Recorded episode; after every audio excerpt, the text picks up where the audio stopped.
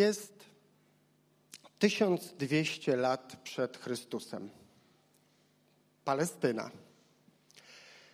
Pod górą Tabor zebrał się, zebrała się ogromna armia. Góra Tabor za 1300 lat zostanie nazwana Górą Przemienienia. A to niezbyt wysoki pagórek, ale on wyrasta wprost z idealnie płaskiej doliny, dlatego jest taki charakterystyczny. Pod górą Tabor zebrała się armia Kananejczyków. Kananejczycy mieszkali tam od stuleci. A bardzo silny lud, doskonale wyposażeni wojownicy. E, oni używali bardzo nowoczesnej broni, jak na tamte e, czasy. To była, to była żelazna broń. Używali tarcz, używali, używali pancerzy. To była doskonale wyposażona, doskonale e, zorganizowana, zdyscyplinowana i dowodzona armia. E, dowodził nią generał Cicera. I najbardziej generał Cicera był dumny ze swojej żelaznej pięści, jakbyśmy to dzisiaj powiedzieli, czyli z rydwanów. Rydwany bojowe. Zebrał ich aż 900. Rydwany bojowe w tamtych czasach moglibyśmy porównać z czołgami. Kiedy 900 rydwanów zaprzężonych w dwa, czasem cztery konie biegło, galopowało, nikt i nic nie mogło się ostać na drodze takiego uderzenia. Dlaczego oni tam się pojawili? Czytamy o tym w Księdze Sędziów,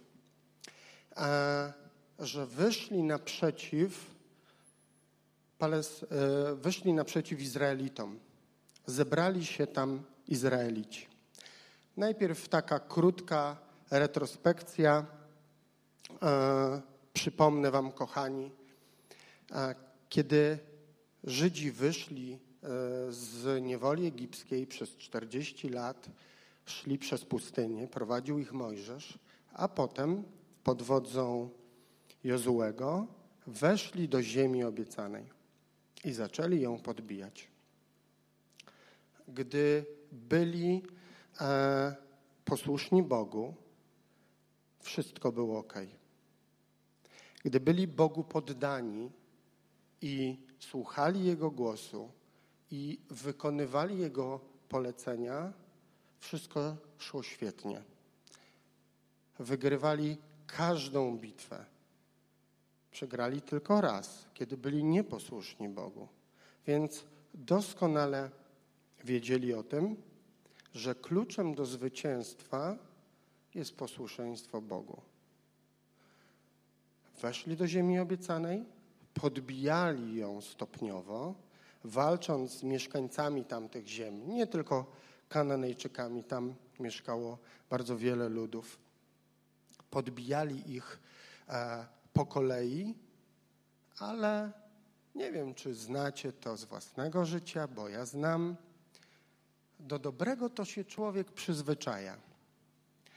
I kiedy tak już uwierzysz w swoją siłę, to nagle okazuje się, że,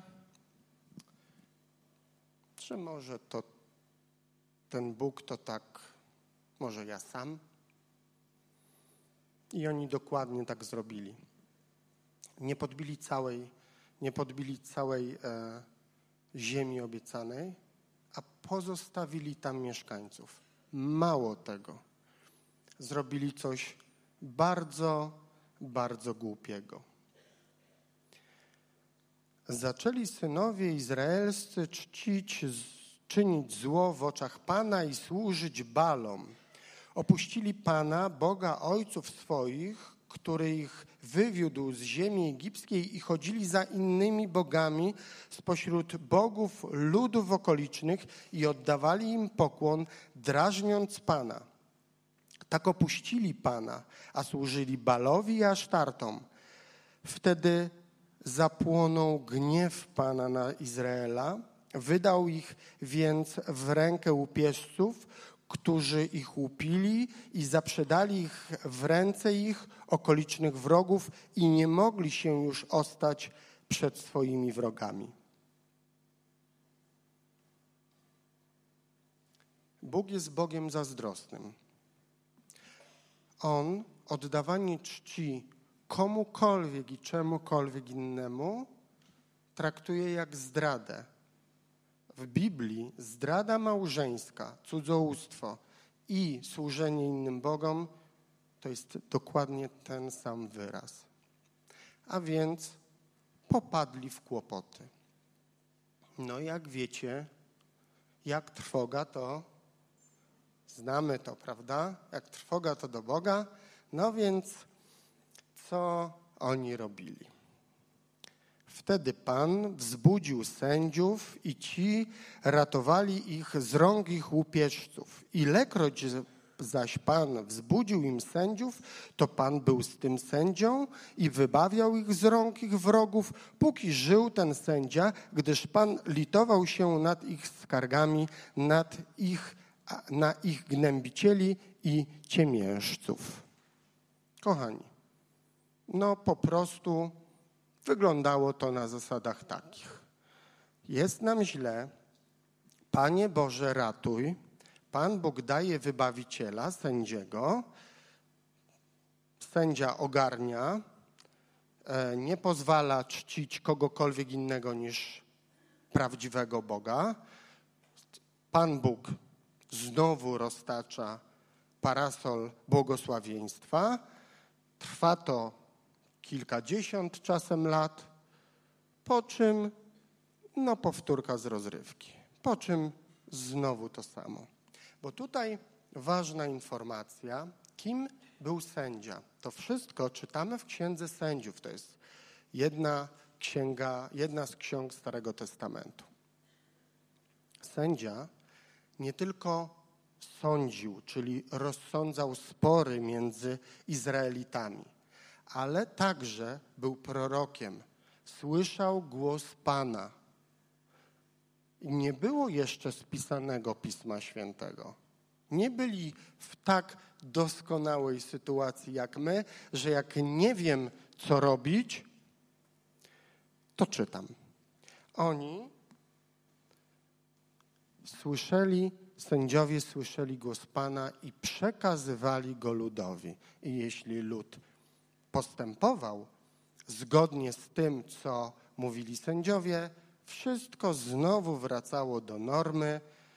Napastnicy byli odpierani, znowu wszystko szło tak, jak Pan Bóg to zaplanował. Bo Pan Bóg nie zaplanował ani 40-letniego pobytu Żydów na pustyni, ani tych wszystkich wojen, niewoli, łez które Izraelici musieli, które Izraelici musieli przejść.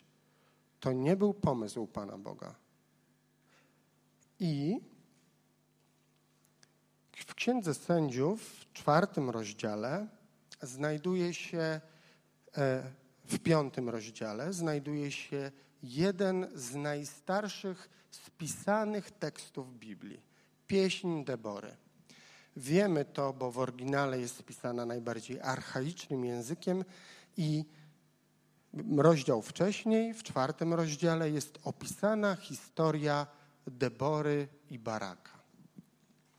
W tym czasie sądziła Izraelitów prorokini Debora, żona Lapidota Siadywała ona pod palmą Debory między Ramą a Betlejem na pogórzu efraimskim i synowie izraelscy przychodzili do niej na sąd. I tu, kochani, mała dygresja. Jak zauważyliście, w naszym kościele służą kobiety. Są liderami służb, są aktywne. U nas kobiety głoszą kazania. I są tacy, są tacy i takie, oczywiście nie w naszym kościele, którym się to nie podoba. To ja mam dla Was słowo. Jak Pan Bóg chce kogoś powołać, to jego płeć nie ma najmniejszego znaczenia.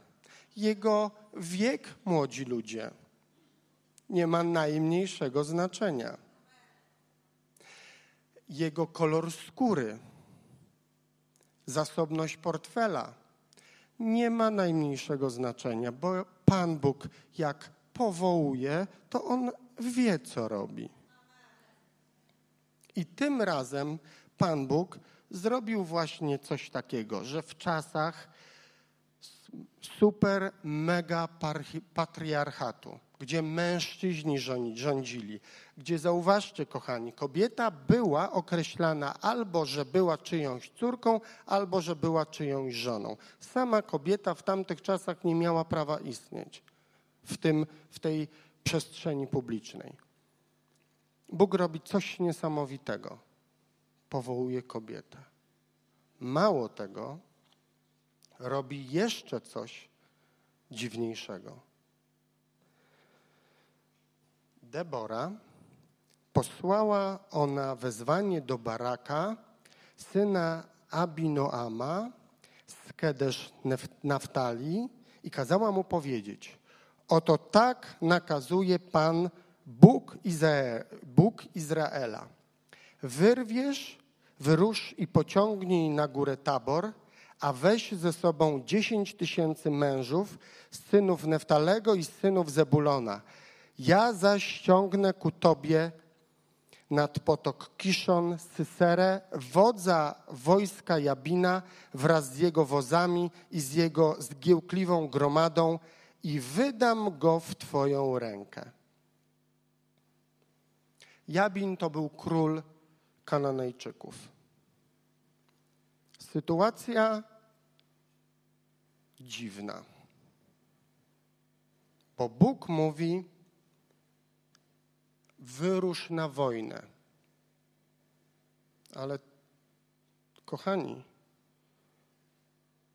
nie ma już wojowników wśród Izraelitów. Nie ma króla, więc nie ma armii. E,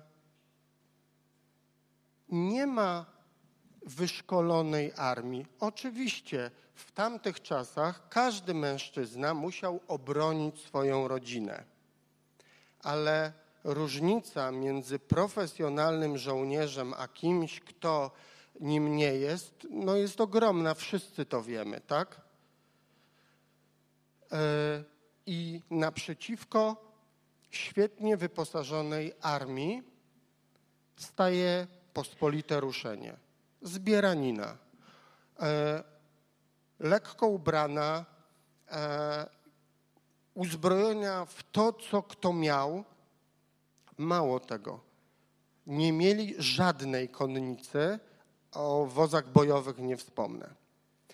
E, nie mieli, e, nie byli świetnie wyposażeni, dowodzeni przez kobietę, wprawdzie ona miała swojego pomocnika Baraka, ale dowodzeni przez kobietę i było ich dwa razy mniej. No, wydaje mi się, że gdybym był w tamtej armii, to byłbym lekko przestraszony. A oni wyruszyli. Wtedy bitwy toczyło się w porze letniej. Tam, gdzie pod górą, mm, pod górą Tabor Żydzi schowali się na górze Tabor, bezpieczni. Tak, jak wiecie, jak widzieliście tą górę, proszę jeszcze raz o ten slajd, to tam y, no, trudno byłoby koniom szarżować pod górę.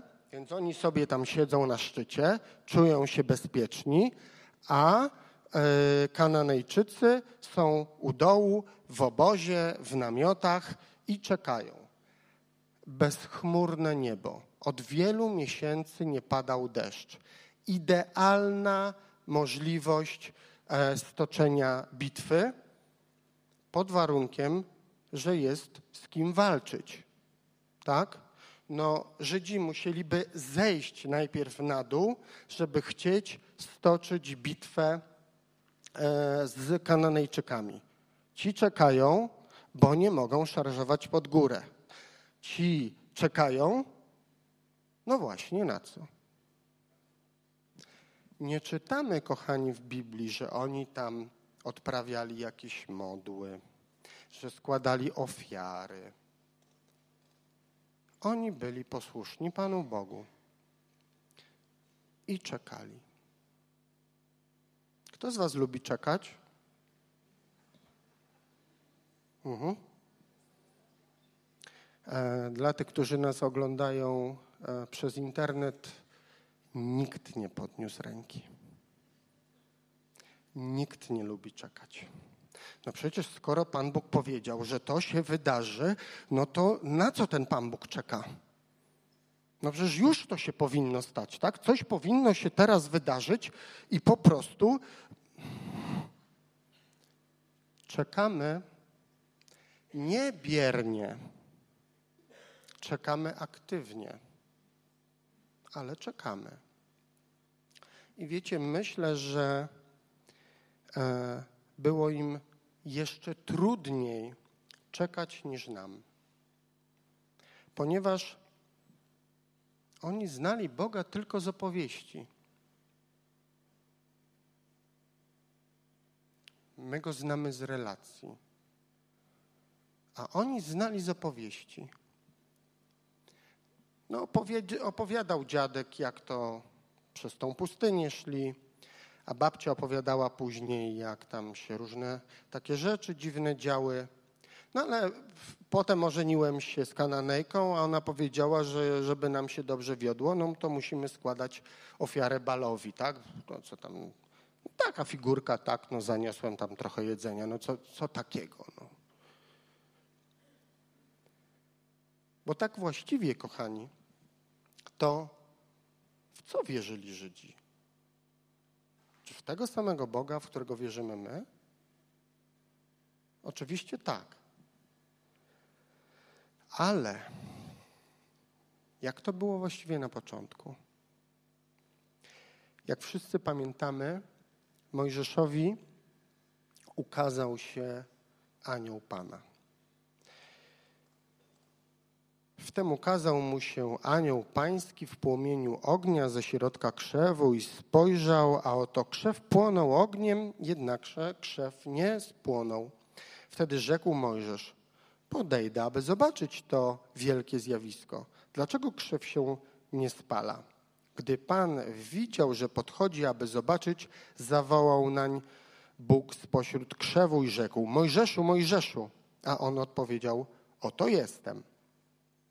Znamy wszyscy tą historię. E, Pan Bóg dał Mojżeszowi konkretne zadanie do wykonania. On oczywiście nie chciał tego zrobić. E, najdłuższe wątpliwości ze wszystkich powołanych w całej Biblii. No ale w końcu Mojżesz rzekł do Boga.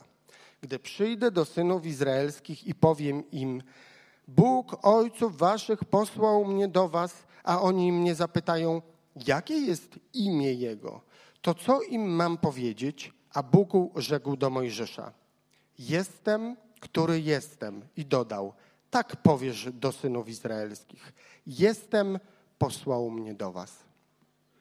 Kochani, Mojżesz nie spytał Boga o imię, bo chciał z nim przejść na ty. To nie o to chodziło. Imię nie było tym, czym jest teraz i mnie zawsze coś oznaczało. Imię w tamtej kulturze, znać czyjeś imię, to znać jego osobę, osobowość i charakter. Więc Mojżesz nie chciał się spoufalić, wejście to w cudzysłów, z Bogiem, ale chciał wiedzieć, z kim ma do czynienia i Bóg mu odpowiedział. I odpowiedział bardzo dziwnie. Bo powiedział: Echie, Asher, Echie. Jestem, który jestem. Ale co to właściwie oznacza jestem, który jestem? Wiecie, kochani, to nie chodziło o to, żeby, że Mojżesz był ateistą i trzeba było go przekonać o tym, że Bóg istnieje. Wtedy nie było ateistów. Nikt nie uważał, że to wszystko, co widzimy na zewnątrz, to stało się dziełem przypadku. Ale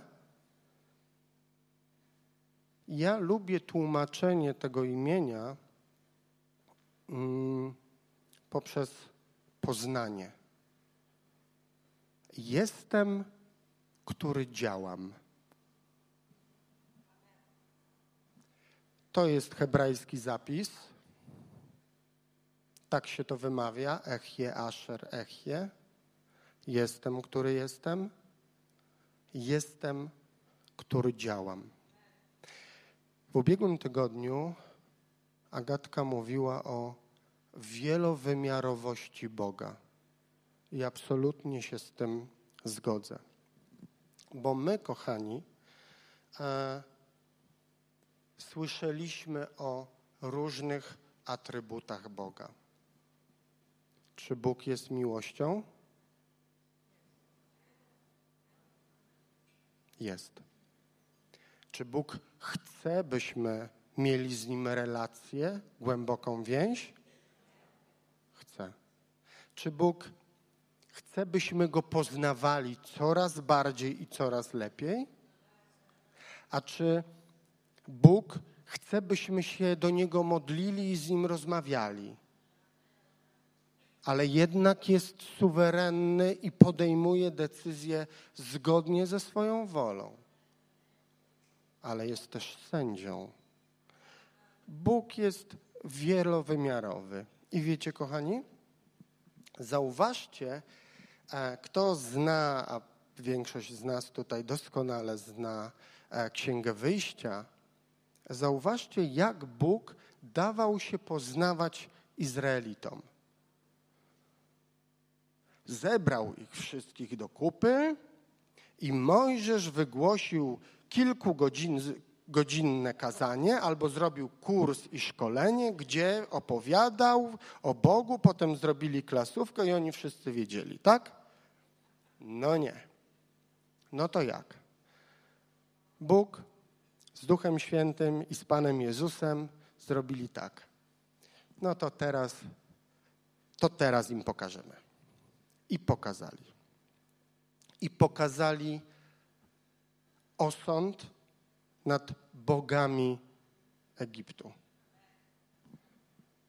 Te wszystkie plagi, które dotknęły Egipt, to nie było to, że Pan Bóg nie lubił Egipcjan i chciał im dokuczyć.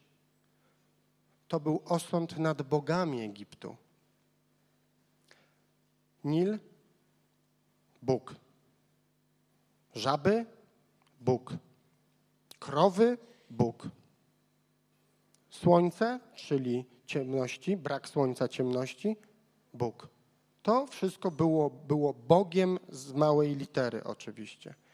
No i prawdziwy Echiaszer Echie powiedział, zobaczcie, nie posłuchajcie, zobaczcie. To nie są bogowie. Ja jestem prawdziwy. I kiedy 13 lat temu się nawróciłem, to oczywiście, że zacząłem czytać Pismo Święte. Oczywiście, że zacząłem, zacząłem słuchać kazań. To wszystko jest bardzo dobre. Ale ja przede wszystkim zacząłem Boga poznawać i doświadczać. Bo miałem absolutnie błędne wyobrażenie Boga, kiedy się nawróciłem. Kiedy się nawróciłem, byłem wierzącym i praktykującym katolikiem, który myślał, że idzie dobrą drogą, bo chodzi do kościoła. Chodzenie do kościoła bardzo pomaga, jeżeli jesteś w dobrym kościele pełnej Ewangelii. Ale jeżeli nie jesteś w dobrym kościele pełnej Ewangelii, to porównałbym to do tego, jakbym zamieszkał w garażu. Bez względu na to, jak długo będę mieszkał w garażu, nie zostanę samochodem. Chodzenie do kościoła sprawi, że będziesz w kościele. I możesz tam doświadczyć Boga, czego wielokrotnie doświadczyłem w tym kościele i w innych kościołach pełnej Ewangelii. Ale ja poznawałem Boga, który działał. Kiedy się nawróciliśmy, kiedy się nawróciliśmy, zwolniono mnie z pracy. No więc miałem sporo czasu, więc posprzątałem sobie garaż, półki i tak dalej. I nie mieliśmy pieniędzy. Pensja mojej żony starczała na około 80% naszych stałych wydatków. Czasami w lodówce mieliśmy światło tylko. Więc postanowiłem, oczywiście aktywnie szukając pracy, pomóc naszemu domowemu budżetowi i zacząłem wystawiać na Allegro te rzeczy, które mi zalegały i które, których chciałem się pozbyć i czasami się zastanawiałem, czy to, czy to akurat wyrzucić, czy wystawić na Allegro. I stał się cud. Ludzie zaczęli wręcz się bić o te licytacje, które, o te rzeczy, które ja wystawiałem. My byliśmy w szoku. Doszło do tego, że ktoś kupił ode mnie coś za 400 złotych zapłacił i pomimo moich usilnych dwuletnich przypomnień nie odebrał. Więc sprzedałem to drugi raz zgodnie z prawem. Wiecie, kochani, to były na przykład takie białe kruki, jak brzytwa, albo jak czarnokulary lenonki, bo miałem je nie wiem skąd. I kiedy wszedłem, ja byłem początkujący wtedy na Allegro, kiedy wszedłem sobie na stronę internetową, bo chciałem zobaczyć, bo mówię, no pewnie to jest wyjątkowe. Okazało się, że na przykład jest 40 stron tego, co ja wystawiłem. Trzeba, y, no po prostu najzwyczajniej w świecie, trzeba tylko i wyłącznie cudu, żeby ktoś, kto to kupił, wszedł w to. No bo szukanie igły w stogu siana przy tym to małe miki. A mało tego, kochani. Mm. Zwolniono mnie z pracy, tak jak wspominałem, i naprawdę uważałem, że lepszej pracy to już mieć nie będę. Kierownicze stanowisko dyrektorskie, samochód, i takie różne rzeczy. I kiedyś było wezwanie do modlitwy pastor mówi, kto nie ma pracy, bo to były takie czasy, że rzeczywiście sporo osób nie miało pracy. Kto nie ma pracy, proszę wyjdźcie, pomodlę się o was. No ja też wyszedłem. Pastor był zdziwiony, że nie mam pracy, bo wyglądałem jakbym miał. Ale pomodlił się. No i wyszli też ci, co byli wcześniej wierzący ode mnie. No i tak zagadką myślimy, no teraz to pewnie dostanie Krzysiu pracę. I dopiero jak on, bo on jest długo w kościele, jak Krzysiu dostanie pracę, to dopiero ja. Dostałem pracę. Nie byłem, nie by, byłem bezrobotny dwa miesiące. Dostałem pracę, pracuję w niej do tej pory. To jest bardzo dobra praca. O 500 razy lepsze od poprzedniej. Bo dla Boga nie ma rzeczy niemożliwych. Kolejny cud. Hmm. Kiedy Troszkę wcześniej ode mnie nawróciła się moja żona Agata. Ja potem. Nasze małżeństwo było fikcją. Owszem, byliśmy formalnie małżeństwem, mieliśmy dwójkę dzieci, mieszkaliśmy w tym samym domu i bardzo się nie lubiliśmy. Nie kochaliśmy się już. Byliśmy po rozwodzie w tej duchowej rzeczywistości. Nie chcieliśmy ze sobą być. I tutaj okazało się, że Bożym planem jest małżeństwo, a nie rozwód. I więc my postanowiliśmy dać sobie nie drugą, 520 szansę. I to jest temat na osobne kazanie, ale Bóg uratował nasze małżeństwo. Uratował je. Nie dlatego, że trwaliśmy w nim, że po prostu stwierdziliśmy, no dobra, skoro pastor nie chce, to się nie rozwiedziemy. Nie, to nie o to chodziło. My zaczęliśmy pracować nad nim, nad tym małżeństwem. Ale każdy, kto nas wtedy znał, a są na tej sali takie osoby, wiedzą o tym, podobnie jak my, że to, że nasze małżeństwo przetrwało i teraz jest najlepszym małżeństwem ever, to tylko i wyłącznie cud Boży. I może ktoś z Was mówi, chyba nie wiesz, czym jest cud. To z Allegro to przypadek. To, to z Twoją pracą, no przecież no, mnóstwo ludzi traci pracę, a później dostaje pracę. Co w tym wielkiego? Wasze małżeństwo? No Boże, no pokłóciliście się, pogodziliście się, no tyle, tak? Jakby ci głowę urwała i by ci odrosła, to byłby cud.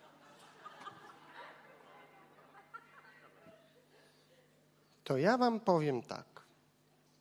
A kto decyduje o tym, co to jest cud, a co to nie jest cud? Biblia mówi, że dla Boga nie ma rzeczy niemożliwych. W związku z tym, jeżeli dla kogoś nie ma rzeczy niemożliwych, to dla niego nie ma cudów. Dla Boga nie ma cudów. Cuda są dla nas, dla ludzi, ale my musimy umieć je dostrzegać. A Psalm 118 mówi: Stało się to przez Pana. Cudem jest w oczach naszych. Oto dzień, który Pan uczynił. Radujmy się zeń i weselmy. Cudem jest w oczach naszych. Kochani, to, że Pan Bóg rozdzielił morze traw przed e, Żydami, żeby mogli uciec, a potem zatopił w nich Egipcjan, to był cud dla Żydów i dla Egipcjan, nie dla Pana Boga.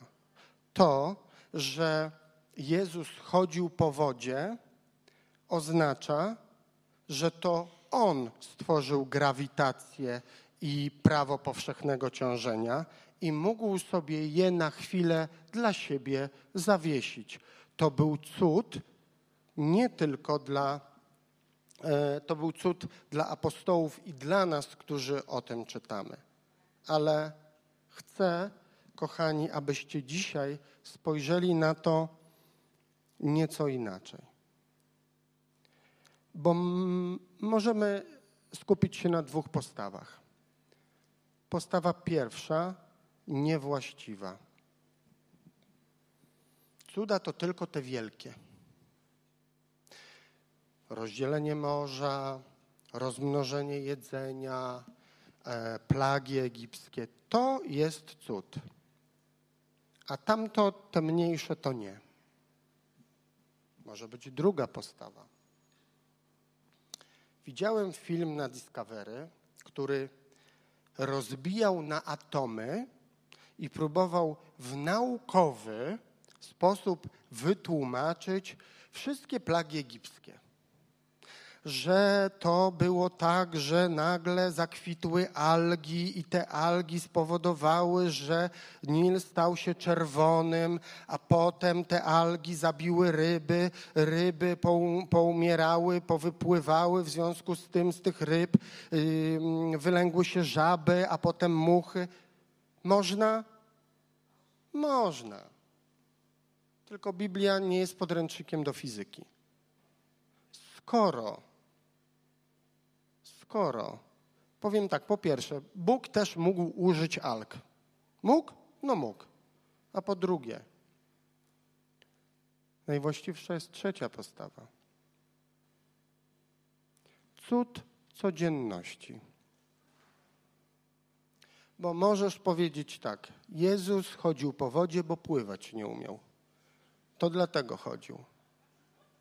A możesz w każdej minucie swojego życia. Widzieć cud. W każdej. To, że wstałeś, to, że się obudziłeś, to jest cud. To, że e, dzisiaj położysz się wieczorem bezpieczny w ciepłym łóżku, to cud. To, że twój, twoja żona lub twój mąż jeszcze cię nie zabili, to cud. To, co nosisz pod sercem, to cud. To, że przebaczasz komuś to, co jest nie do przebaczenia, a Bóg leczy Twoje serce, to cud. To, że nie będziesz przeklinać swoich nieprzyjaciół i tych, którzy Ci źle życzą, to cud. To, że odmówisz narkotyków, to cud. Chciałbym, żebyście obejrzeli mały fragment filmu.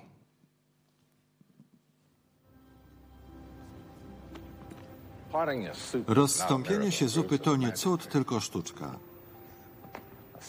Samotna matka na dwóch etatach, która znajduje czas dla dziecka, to jest cud. Nastolatek mówiący nie prochom i tak wykształceniu, to jest cud. To jest fragment filmu Bruce Wszechmogący. Milion lat razy był na Polsacie, więc y, na pewno, na pewno go widzieliście, polecam. Ale mnie ujął ten fragment. To oczywiście nie jest film biblijny, to jest bardzo fajna komedia na miłe niedzielne popołudnie, polecam, ale cud codzienności.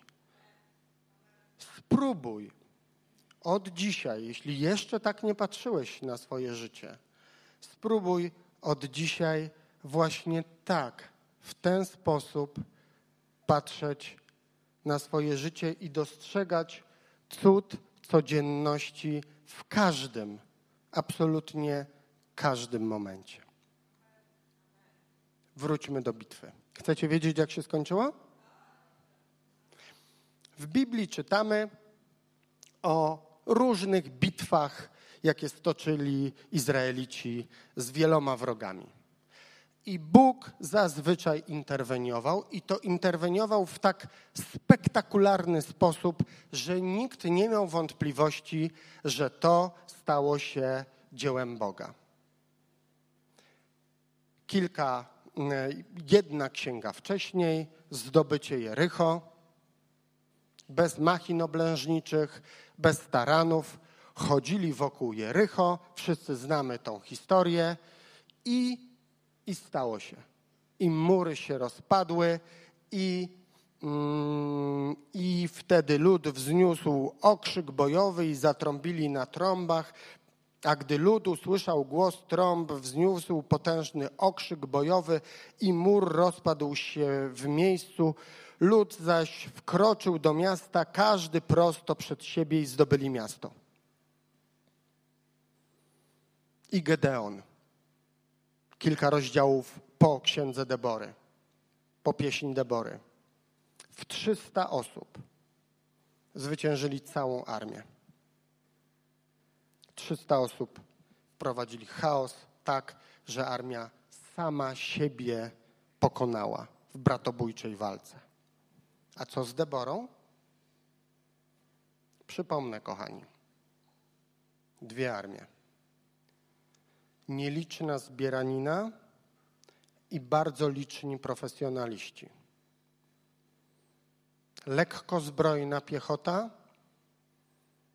ciężko zbrojne rydwany. Środek pory suchej. Na niebie ani jednej chmurki. Nie padało od wielu miesięcy. Ziemia twarda jak beton. Jak się rydwany rozpędzą, to noga nie ocaleje wśród Żydów. I nagle, Panie, gdy wychodziłeś z Seir, gdy kroczyłeś z pól edomskich, ziemia zatrzęsła się, również niebiosa kropiły. Tak obłoki kropiły wodą. Kto jest Panem pogody? Bóg. I nagle w środku pory suchej spada deszcz. I to taki deszcz, który nie miał prawa się wydarzyć. To tak, jakbym ci powiedział, że kiedy byłem w lipcu w jastarni, to chwycił mróz, spadł śnieg i zamarzł Bałtyk. Byłoby to coś niewiarygodnego? No więc ten deszcz był dokładnie tak bardzo niewiarygodny. Kilkudniowa ulewa i co się stało? Stało się to, że te rydwany, które były ich atutem, stały się ich trumną, bo były unieruchomione. A te ciężkie zbroje, które ich chroniły, spowodowały, że nie mogli się ruszać i nie mogli uciekać. A to, co do tej pory było ich atutem stało się ich problemem i przyczyną ich klęski. Zostali, Kananejczycy zostali pojmani i zostali wybici co do jednego. Ich potęga została złamana. Sprawił to Bóg z dwóch powodów. Posłużył się dwoma, posłużył się dwoma rzeczami. Rzecz pierwsza to oczywiście ulewny deszcz. Ale rzecz najważniejsza to to, że mu zaufali. Przecież gdyby nie wyszli, to by nie zwyciężyli. Gdyby się pospieszyli, to by nie zwyciężyli. Ale oni trwali. Trwali w Bogu. Trwali w Jego słowie, bo przecież On przekazał słowo. Wyjdźcie. I my czasami oczekujemy spektakularnych cudów. Nauczmy się trwać w Bogu i dziękować Mu za każdy, nawet najdrobniejszy cud naszej codzienności. I to dotyczy wszystkich. I starych wierzących, którzy widzieli niejedno odrastające nogi, wydłużające się kręgosłupy, spektakularne nawrócenia przestępców i bandytów, jak i Was, droga młodzieży, którzy dopiero jesteście na początku swojej drogi z Bogiem. To też Was dotyczy. Trwajcie w Nim. po prostu w nim trwajcie. Najtrudniej jest trwać podczas bitwy. To jest najtrudniejsze. I ja wielokrotnie musiałem być wierny Panu w tym, że skoro On powiedział, to ja mam tylko czekać. Wszyscy znacie historię Maxa. Wszyscy pamiętacie, wszyscy byliście z nami wtedy, kiedy na Maxa, naszego syna, oku, wyrósł guz. I pomimo naszych, pomimo naszych modlitw, on z nas kpił i rósł. Rósł. Aż osiągnął rozmiar połowy śliwki, która zasłaniała mu całą powiekę. Oczywiście konsultowaliśmy z lekarzami, ale lekarze powiedzieli jasno: nowotwór. Trzeba usunąć. Ale my nie mieliśmy pokoju w tym, by pozwolić lekarzom na ingerencję. Mieliśmy takie prowadzenie, które mówiło: trwajcie we mnie, ufajcie mi. Jestem z wami. Trwało to rok. Rok zakończone pełnym zwycięstwem. Tej chwili minęło od tego czasu cztery lata.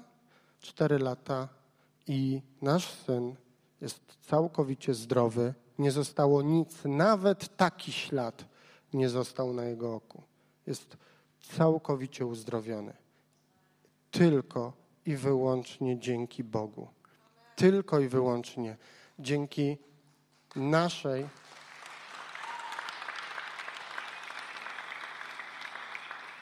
dzięki naszej postawie ufności do Boga. Nie wiem, przez co przechodzisz teraz. Może sam jesteś w trakcie bitwy. Może sam toczysz w tej chwili jakąś bitwę, ty i twoja rodzina. A może jeszcze nigdy nie zaufałeś Bogu w żadnej bitwie. Może sam borykałeś się ze swoimi problemami i nie chciałeś pomocy e, Boga. Jeżeli jesteś w jakiejś bitwie, albo jeśli chcesz się dobrze do niej przygotować, chciałbym, żebyśmy się teraz wszyscy wspólnie pomodlili. Jeśli ktoś jest w takiej bitwie, wstań. Tam, gdzie siedzisz, wstań. Chciałbym, żebyśmy się, chciałbym, żebyśmy się teraz pomodlili psalmem 118. Nie będziemy powtarzać, będziemy czytać razem. Lepiej ufać Panu. Pan jest mocą i siłą moją. On stał się wybawicielem moim. Prawica Pana podniesiona, prawica Pana odnosi zwycięstwo. Nie umrę, ale będę żył i opowiadać będę dzieła Pana. Dziękuję Ci, żeś mnie wysłuchał i stałeś się zbawieniem moim. Dziękujcie Panu, ale bowiem jest dobry, ale bowiem łaska Jego trwa na wieki. Amen.